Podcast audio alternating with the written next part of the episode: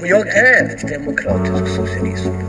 Med stolthet och med glädje. Kvar min grundtro på att det går att påverka samhället, det går att påverka utvecklingen. Medborgarnas krav kan tillgodoses endast av det starka samhället. Så, varmt välkommen Gustav Lantz. Tack så hemskt mycket. Kul att du är här och gäst. Du är riksdagsledamot Jajamän. Från Uppsala län. Ja. Bor i Uppsala. Mm. Uppsala. Precis. Och temat för dagen sa du mest, eller hur Gustav? Lånta fjädrar. Jag tänker att vi kör igång och pratar lite. Du, hur det är för dig och vad du har gjort och ditt perspektiv. Ska börja där lite? För du har ju Absolut. inte varit riksdagsledamot alltid. Eller hur? Nej, precis. Jag eh, är uppvuxen i Uppsala då.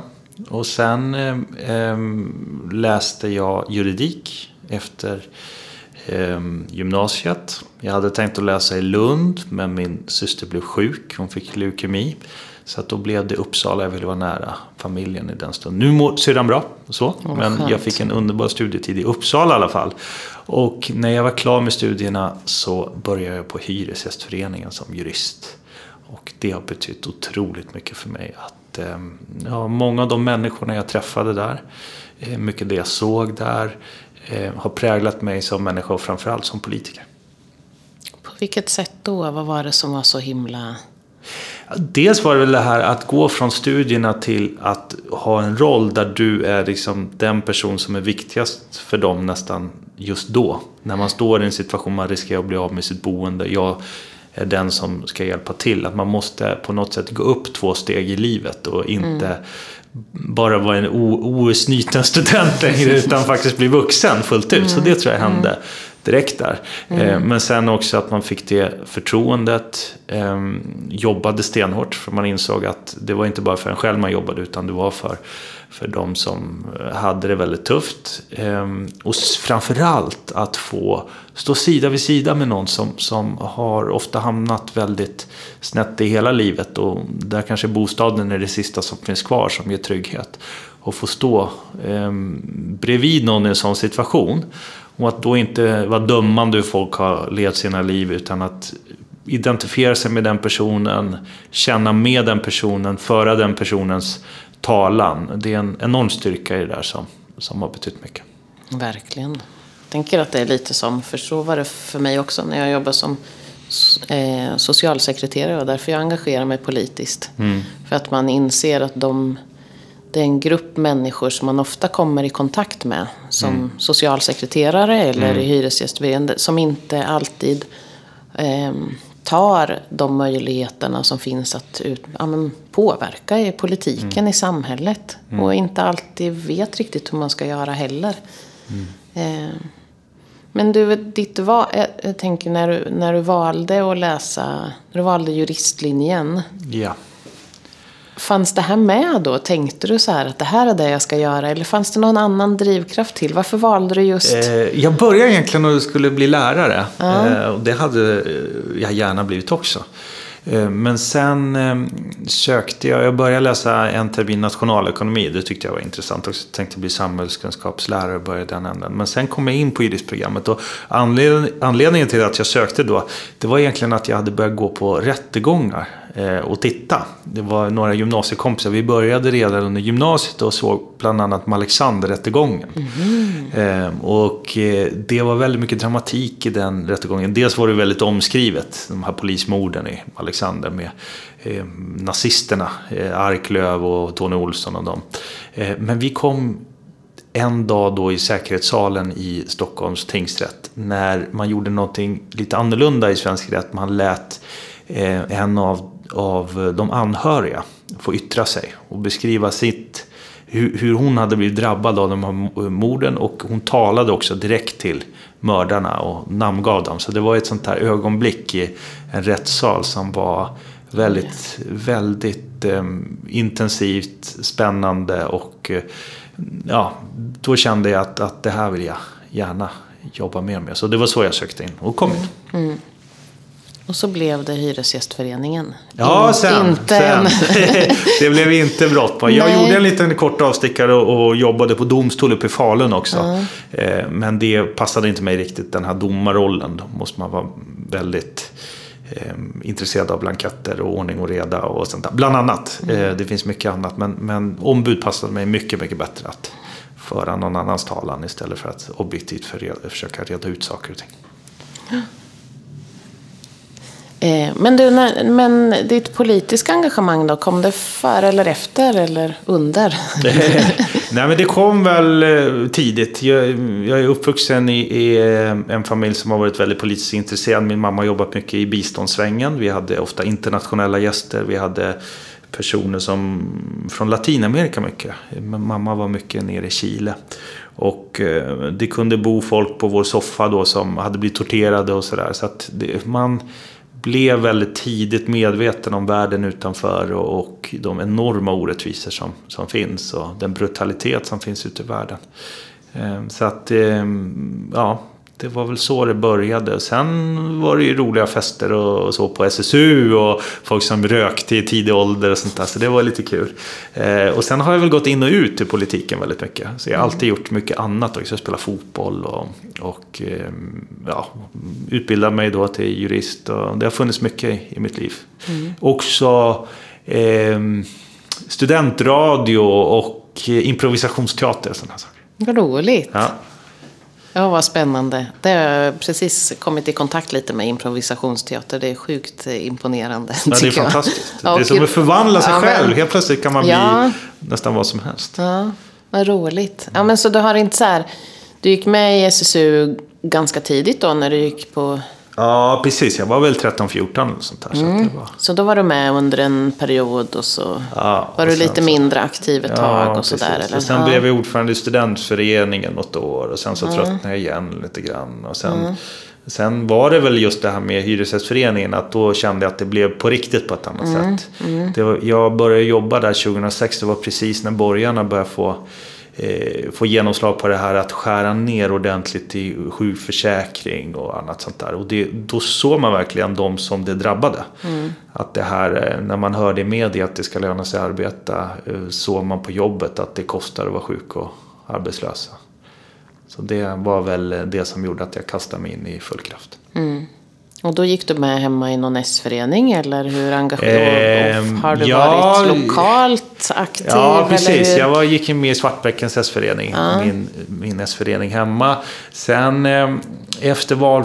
Ja, sen jobbade jag ju då på... När jag hoppade av eh, tingsmeriteringen uppe i Falun så började jobba på SSU-förbundet och var med i Gytte Guteland och körde en nationell valrörelse då med SSU. Så vi var ute, jag tror det var 60 resdagar på ett år och sånt där. Så det var mycket ligga ute och sen också ta fram kampanjmaterial och reklamfilmer och eh, vissa saker var bra, andra absolut inte så bra. Så att det var ett jätteroligt år och då lärde man känna sossar i hela landet. Så det var först då jag verkligen förstod vad, vad, vad Socialdemokraterna Demokratiska partiet är på något sätt. Alltså man fick den här helhetsbilden och så. Eh, Vilket år var det? Det var 2000. 2009 till 2010, så det var ett år före valet. Så då hade du innan varit lite sådär, lite smått aktiv sen 2006 i någon S-förening bara eller sådär? Ja, eller? nästan tidigare än så. Ehm, Jag var i SSU och så gick jag in eh, där och sen så var jag med i någon S-förening samtidigt som jag var ordförande för studentklubben Laboremus i Uppsala och sådär. Så att det har pågått sedan, sedan 90-talet Ja, av och till. Så. Ja, så. Ja.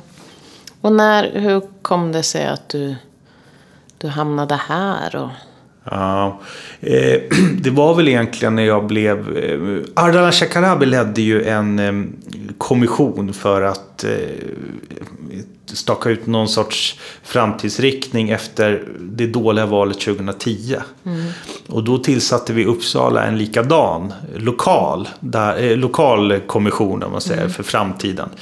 Och den fick jag leda och då var hälften under 35 och hälften i, över 35. Och vi hade spänstiga diskussioner, jag fick leda det där och, och vi diskuterade hur vi skulle kunna ta nya steg. Och jag tyckte det blev, det blev bra diskussioner och vi, vi avlämnade en rapport och sådär. Och efter det så blev jag vice ordförande i, i Socialdemokraterna i Uppsala, arbetarkommunen. Och då blev vi även valledare inför 2014 års val sen.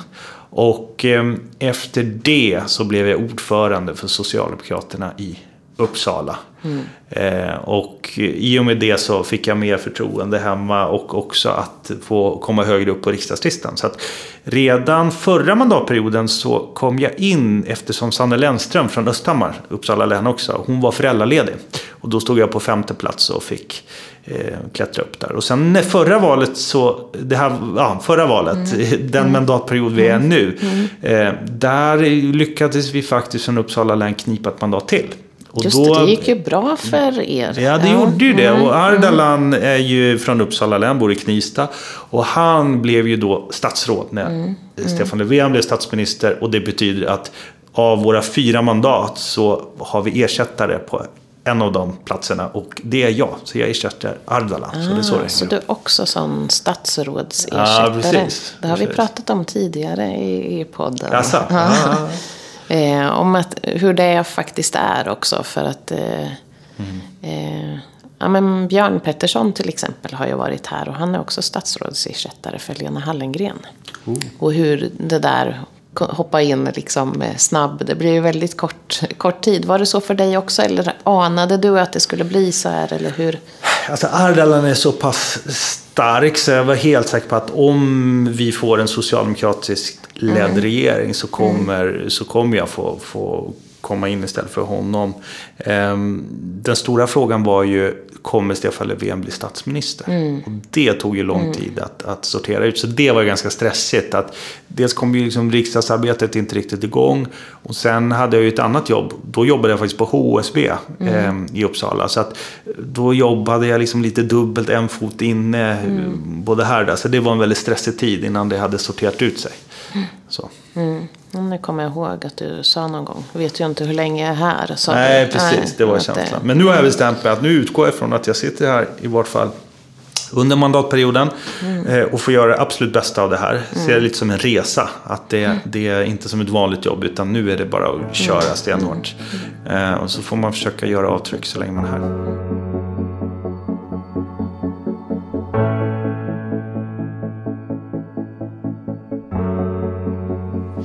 Och jag har ju sett, jag tyvärr kunde inte vara med, men du har ju tagit med dig en del av dem. Till exempel det här med förhandlings... Eh, eh, kunskapen kring att förhandla har ju du faktiskt haft något seminarium om, till exempel.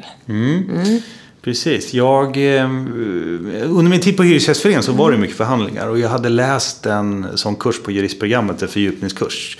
Förhandling och medling. Så jag började försöka sätta in mina erfarenheter i någon sorts systematik. Och det där ledde fram till en modell i, i 12 steg för hur man förbereder och, och genomför en förhandling. Ehm, och eh, den har jag undervisat i, på Uppsala universitet och uppe på eh, Luleå eh, universitet heter det nu va. Och haft också en rad eh, företag och organisationer som har gått de utbildningarna. Så att jag grundade ett litet företag som heter Lans Education och det lever vidare.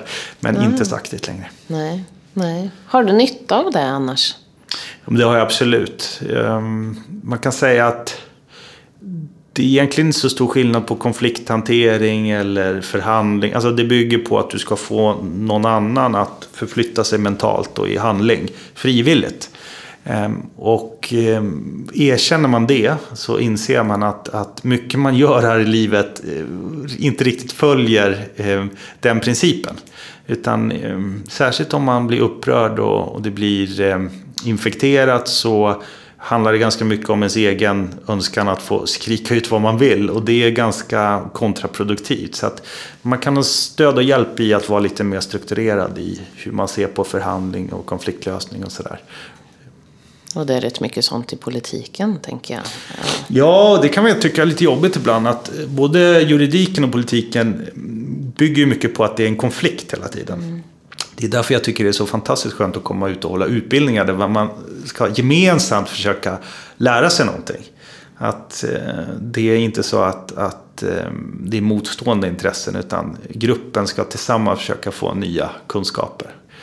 Eh, och det är så skönt att slippa sätta betyg också. För då blir det verkligen den här lusten att lära. Mm. Och människor som kan otroligt mycket och får dela med sig av sina erfarenheter, sätta in det i en struktur och sådär. Så, så det, det tycker jag är jättekul.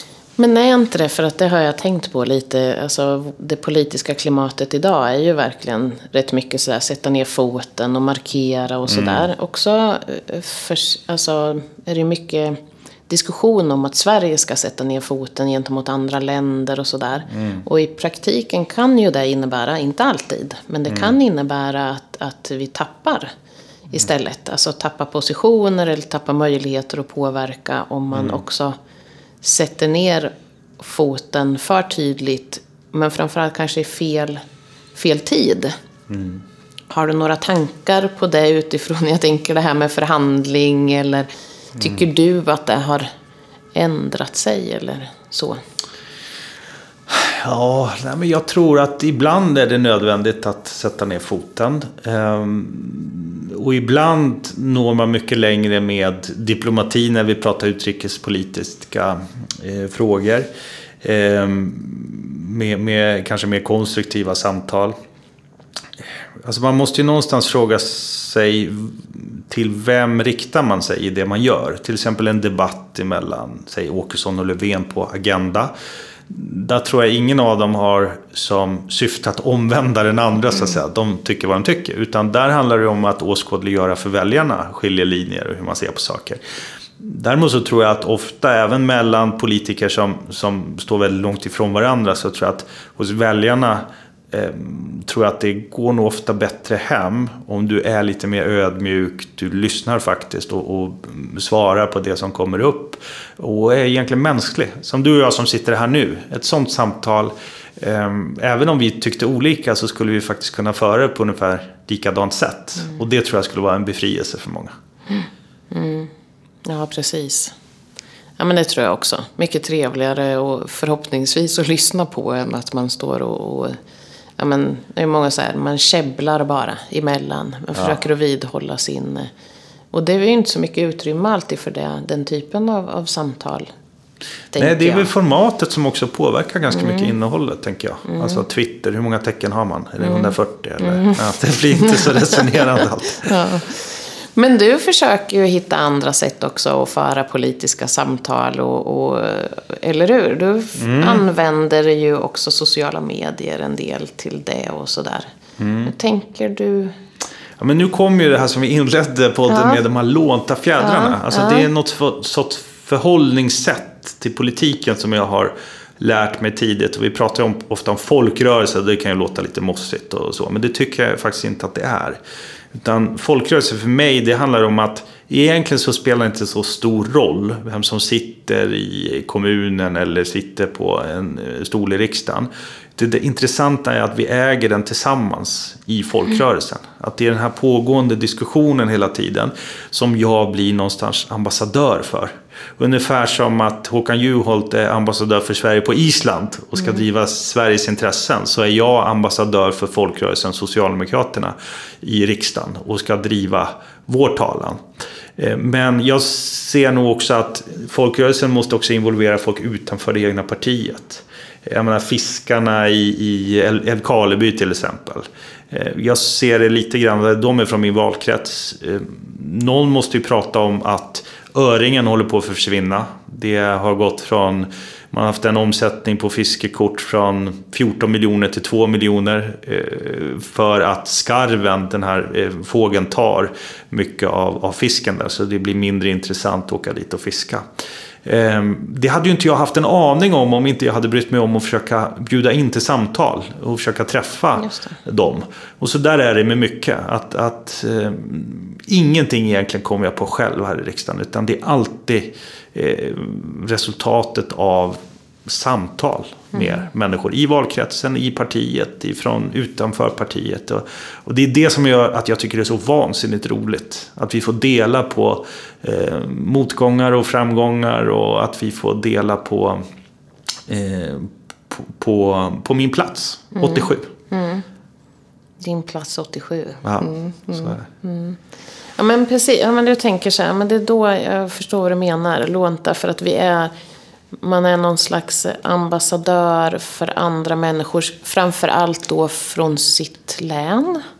Eller sin, sin bygd.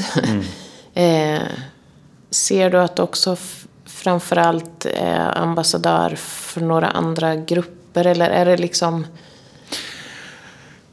Eh, nej, ja, både, både ja och nej. Jag tror att socialdemokratin måste vara det här breda eh, partiet. Där väldigt många eh, finner att man blir hörd, lyssnad på, tagen på allvar och att det blir en förändring. Eh, som är till gagn för det stora flertalet. Så. Det är det vi lever på. Eh, så jag tror inte att socialdemokratin ska reduceras till att vara en röst för de, bara de absolut svagaste i samhället. Alltså många av de som jag träffade när jag var ombud. Alltså, de var inte svaga där, men verkligen svaga människor så. Men de hade en position i samhället som gjorde att de inte kunde ta sig fram. De kanske hade psykisk ohälsa som gjorde att man inte kunde arbeta. Alltså, de, de hade svårigheter så. Eh, de behöver vi absolut lyfta. Men blir vi bara ett parti för dem och inte ser helheten, eh, då tror jag att vi blir irrelevanta och det gagnar inte deras sak. Utan de som på allvar kan bygga ihop det här samhället, det tror jag att det- det är den breda folkrörelsen. Och jag ser ändå att socialdemokratin fortfarande är det. Vi kanske inte alltid kommer vara det, vi har stora utmaningar. Vi måste ta det på allvar. Men jag, tr- jag ser ingen annan kraft än Socialdemokraterna i samhället som kan vara det här breda folkliga partiet som har verkligen hjärta för de som också inte har och de som står utanför eh, och vill in. Eh, Så ser jag på det. Så då gjorde du i somras till exempel. När du var ute och så gjorde du någon resa runt och berättade i sociala medier. Och vad det är. Är det då du tänker att du också både fångar upp människors synpunkter från den breda gruppen i ditt län. Men också hittar en kanal för att prata om detta och berätta om det. Men också lite in, eller hur? Du tänker att du inte bara berättar, för det är min bild av Nej, det du nej. gör. Utan det är Nej, också så här, exakt. fånga in synpunkter, berätta om det för att också få lite synpunkter in tillbaka. Eller är det så? Det är underbart att vara i en podd när någon verkligen har gjort lite för, förarbete. Det är ett journalistiskt hantverk som verkligen, all respekt. Eh, precis som du säger. Eh, ett exempel. Länsresan, eh, som vi valde att kalla det. Då var vi ute i Uppsala läns åtta kommuner. Vi sov hemma hos partimedlemmar. Eh, just också för att kunna ha de här samtalen vid köksbordet och eh, sitta och surra på kväll. Liksom inte åka hem och stänga av. Utan vi, vi gjorde länet fullt ut. Det var jag, min riksdagskollega, numera Inga-Lill Sjöblom och Niklas Björkegren från Knivsta. Och, eh, men vi, vi pratar inte bara med partimedlemmar utan också försöker vi komma i kontakt med andra. Och hur gör man det på bästa sätt 2019 som det var då? Jo, man använder de här eh, Facebookgrupperna. Ordet är fritt i, i Skutskär och eh, vi som bor i Tierp, etc. etc. Och slänger ut frågor och säger att vi är på genomresa, socialdemokratisk eh, riksdagsledamot, eh, Gustav Lantz heter jag. Har ni någonting ni vill berätta för mig? Vill ni att jag ska se någonting? Just det. Och så tar det en halvtimme så har man kontakt med någon som säger Ja men eh, jag har ett, eh, ett museum eh, med gamla pianon. Eh, Klaverens hus. Eh, jag vill jättegärna komma och berätta om det och, och, och de svårigheter vi har att be- bevara svensk kulturarv. Sen hör någon av sig och säger att ja men eh, ja, fi- fi- fisket som vi pratade om med Karlby, så står vi där på stranden till Dalälven och pratar fiske. Alltså att, eh, det är ganska häftigt. Det var, en, det var en otroligt häftig resa. Och, eh, och sen var det folk som tyckte, ah, vadå bensinskatten, den är ju för dyr och så. Och då, om, utan att bara falla in i det här att vara för eller emot. Ja, men hur tänker du? Ja, har du lust att ta en fika? Det blir, på, det blir mycket mindre konflikt också då, när man har den inställningen. Och blev ganska intressant. Så att, det var, det var häftigt. Det var väldigt koncentrerat just då. Men jag försöker jobba så under hela mandatperioden. Men, men just den där sommarveckan, under Almedalsveckan. Så jag Ja, valde bort rosé och eh, så i, i Visby. För att faktiskt vara hemma i mitt underbart vackra län. Jag kan rekommendera att ut och åka i, bland bruken i, i Uppland. Det är, ja, det är fint. det är faktiskt en liten vit fläck för mig så att jag, jag får ta den tråden och komma. Hur mycket så här, men jag tänker att eh, fick du in väldigt mycket på vissa ställen och känner att hit måste jag komma tillbaka? Eller hur mycket hann ni med? Och, alltså, du säger det, du gör inte bara det här under den här sommarveckan Nej. utan du också kan ta med dig så. Mm. Men är det mycket och var det mycket du såg som du inte visste om innan? Både som finns eller var det också mm. frågor? Blev du förvånad över frågor som människor ville lyfta? Vi hade ju som utgångspunkt att vi skulle göra det här tillsammans med Kommunal, fackförbundet. Vilket gjorde att de var väldigt generösa och såg till att vi fick besöka arbetsplatser under hela veckan. Det gav ju väldigt mycket. Vi pratar mycket om den facklig-politiska samverkan. Ehm, och det är ju en sak att kanske gå på ett årsmöte, hålla ett tal eller sitta och fika med ombudsmän. Men att komma ut i verksamheten eh, och prata med lokala företrädare för Kommunal men också anställda. Så det gav jättemycket. Förskolor, vi träffade brandmän och sånt där. Så det har jag haft med mig mycket av. Ehm, men om man ser också på länet att jag är ju uppvuxen i Uppsala. Ehm, jag är född i Uppsala, jag bor i Uppsala. Men det var egentligen först med den här resan som jag verkligen såg vidden av hur vackert länet är. Mm. Och att det byggde en identitet tror jag. Alltså dels kände jag att jag har ett förtroende från mitt län. Ehm, men sen också att, att ägna tid åt det. Det är som med alla relationer, man måste ägna tid åt dem.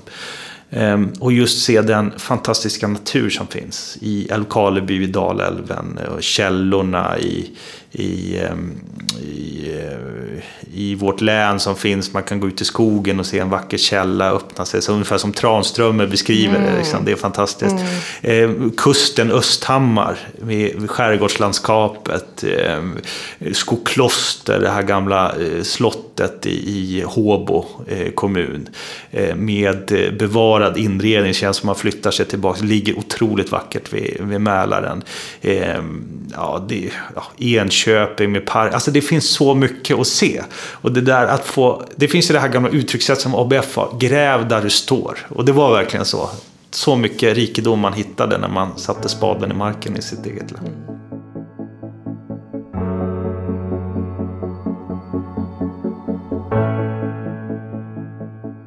Men, men vad har du liksom med dig ifrån ditt, ditt liv och ditt yrkes... Vad, vad känner du att du har stor nytta nytta av som ja. politiker? Vad är, vad är det som Gustav bär med sig in? Jag bär med mig eh, att mina föräldrar skildes tror jag har påverkat. Inte på något sätt att det är synd om mig som alla skiljer sig. Men att få eh, eh, se hur pappa träffade en ny kvinna och mamma valde att vara själv. Eh, och att vara ensamstående mamma och rodda tre barn varav syrrorna bodde hos henne att det här med hur de ekonomiska marginalerna var väldigt små. Du tjänade hon ändå ganska bra så, så att det var inget, inget så. Men det här att vara själv, alltså, och, och, det skapade också en väldigt nära kontakt med morsan. Och liksom när hon cyklade med en till fotbollsträning, man fick gå av ett kvarter innan för man skämdes lite grann att inte hade bil. Vi, vi såg till att kunna ändå vara i, eh, i Skåne på somrarna. Vi hade ett sommarställe som mamma och pappa delade, men hon såg till att skicka ner eh, cyklarna med, med, tåget och sen cyklade vi någon mil till stranden. Alltså allting var egentligen uppbyggt för bil. Eh, och sen, ja, överlag att få ihop allting som ensamstående morsa. Och sen har jag jobbat som ledsagare också, extra knäckt. Eh, när eh, man kan få hjälp om, om, barn som har ADHD eller speciella behov kan få en ledsagare som hjälper till att avlasta familjen. Och det var ju bara ensamstående morsor jag jobbade hos. Och de, kunde, och de tog ju inte igen sig, många av dem, utan de jobbade då inom sjukvården och kunde jobba helg och jag var där. Alltså, eh, vad de kämpar. Um, och de hade ju mycket sämre lön än vad min morsa hade. Och sånt där. Men, men det finns nog ingenting som, som eh, berör mig så mycket som hårt arbetande ensamstående morsor som mm. försöker få livet att gå ihop. Så det, det har påverkat mig. Mm. Eh, bland annat. Sen är jag präglad av idrottsrörelsen och eh, jag är präglad av, eh, som jag sa tidigare, mitt jobb på Hyresgästföreningen. Så det är mycket. Men att du nu sitter i... Hamnade du med, jag antar att du önskade också få komma i justitieutskottet. Mm. Har det också med din bakgrund eller är det någon särskild fråga som du verkligen brinner för utifrån det där du har med dig? Och...